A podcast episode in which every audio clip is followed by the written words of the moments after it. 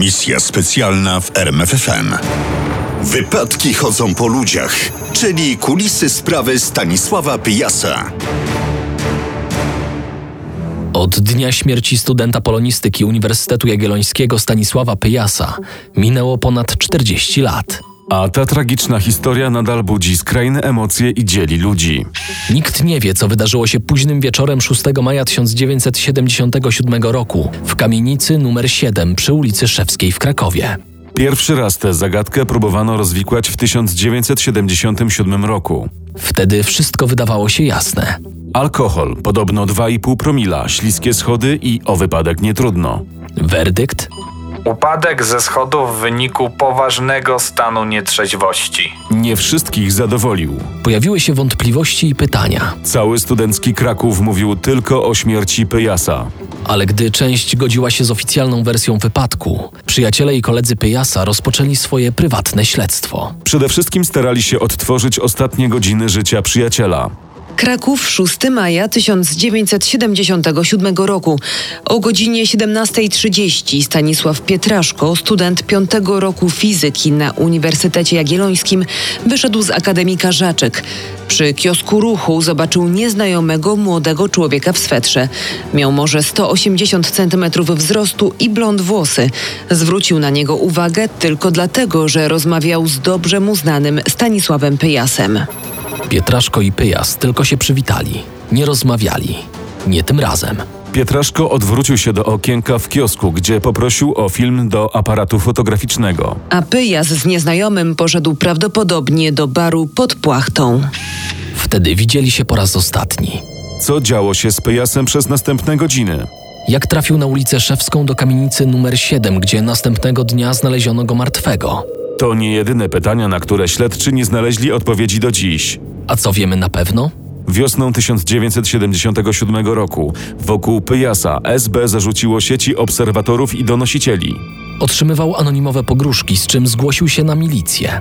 Oczywiście nic nie osiągnął, lecz zapewne był tego świadomy, ponieważ i on, i jego koledzy dobrze wiedzieli, że autorem pogróżek są funkcjonariusze krakowskiej SB, którzy już od kilku miesięcy z zainteresowaniem przyglądali się środowisku krakowskich studentów. SB nieprzypadkowo zwróciło na nich uwagę. Od jesieni poprzedniego roku studenci zaangażowali się we współpracę z Komitetem Obrony Robotników, opozycyjną antykomunistyczną organizacją. A ponieważ KOR był inwigilowany przez agentów SB, krok po kroku trafili oni również do studentów z Krakowa. A tu pod Wawelem Stanisław Pyjas i jego przyjaciel Bronisław Wilczstein byli dość aktywni, co oczywiście nie uszło uwagi szpicli. Zresztą z obecności szpicli, kapusiów, jak wtedy mówiono, wśród studentów zdawano sobie sprawę. Można mieć zatem pewność, że SB było doskonale poinformowane o szczegółach z życia Stanisława Pyjasa, a także wiedziało, co tego fatalnego dnia, w piątek 6 maja 1977 roku, zamierza robić Pyjas. Decyzja zapadła.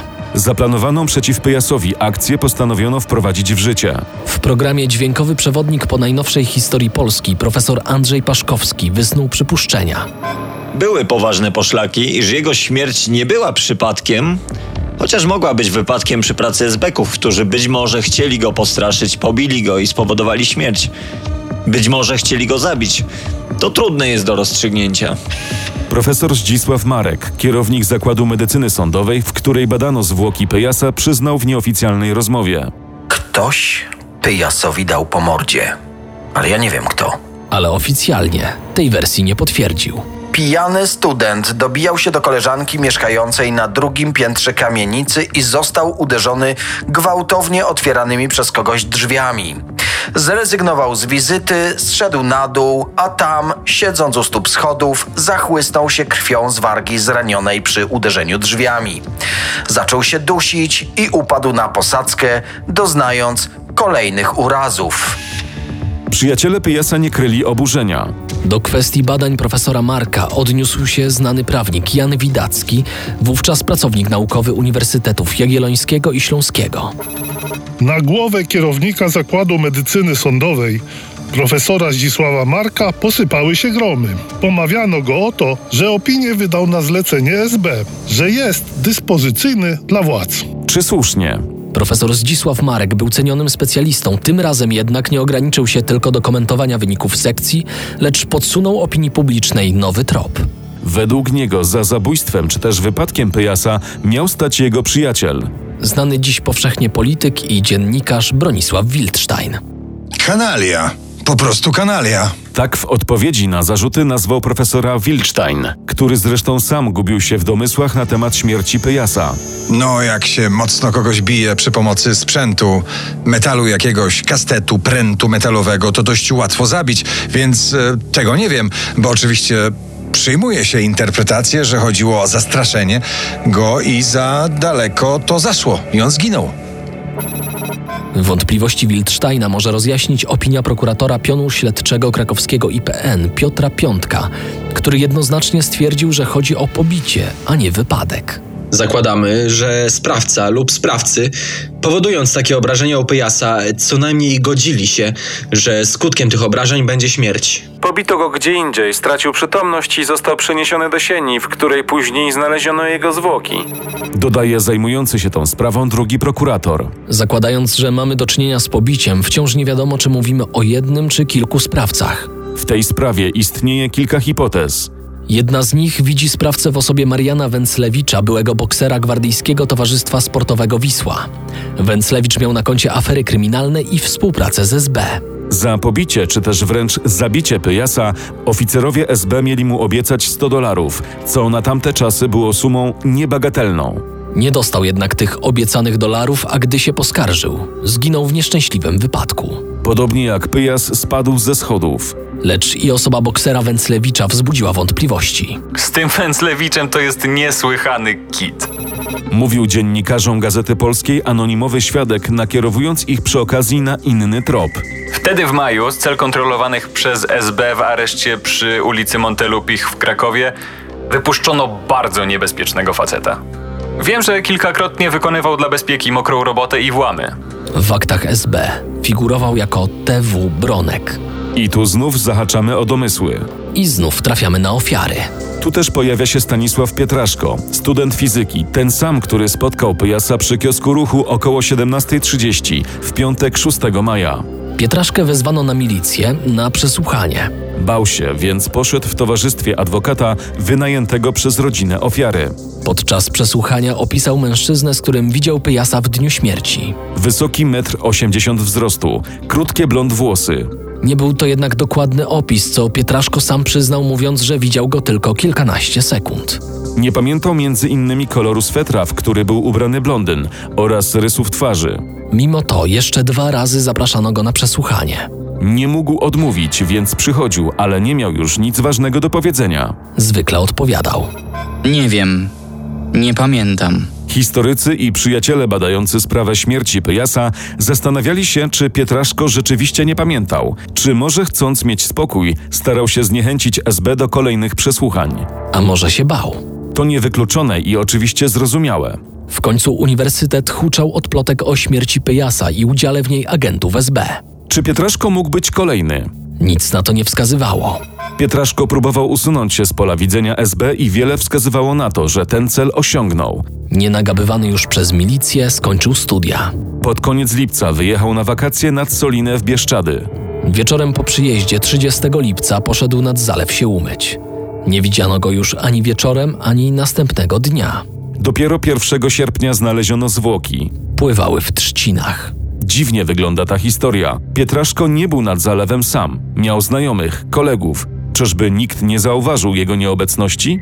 Aż trudno w to uwierzyć. A może ktoś ze świadków pomylił daty? Może od zniknięcia Pietraszki do momentu odnalezienia jego zwłok minęła tylko jedna noc? Tego nie wiemy. Zagadkę tej śmierci próbował rozwiązać Komitet Obrony Robotników. Z relacji historyka Jana Lipskiego wiemy, że Gdyby Pietraszko utopił się, ciało wypłynęłoby na powierzchnię nieco później na skutek procesów rozkładowych. To, że pływało na powierzchni 1 sierpnia, budzi przypuszczenie, iż w płucach znajdowało się powietrze, nie woda. Mogłoby to wskazywać na wrzucenie do wody zwłok po śmierci innego rodzaju niż utopienie. Koledzy studenci szybko połączyli ze sobą śmierć Pyjasa, przesłuchania Pietraszki na MO i utonięcie w jedną historię, której głównym czarnym charakterem było SB. Tymczasem oficjalne śledztwo stwierdziło utonięcie.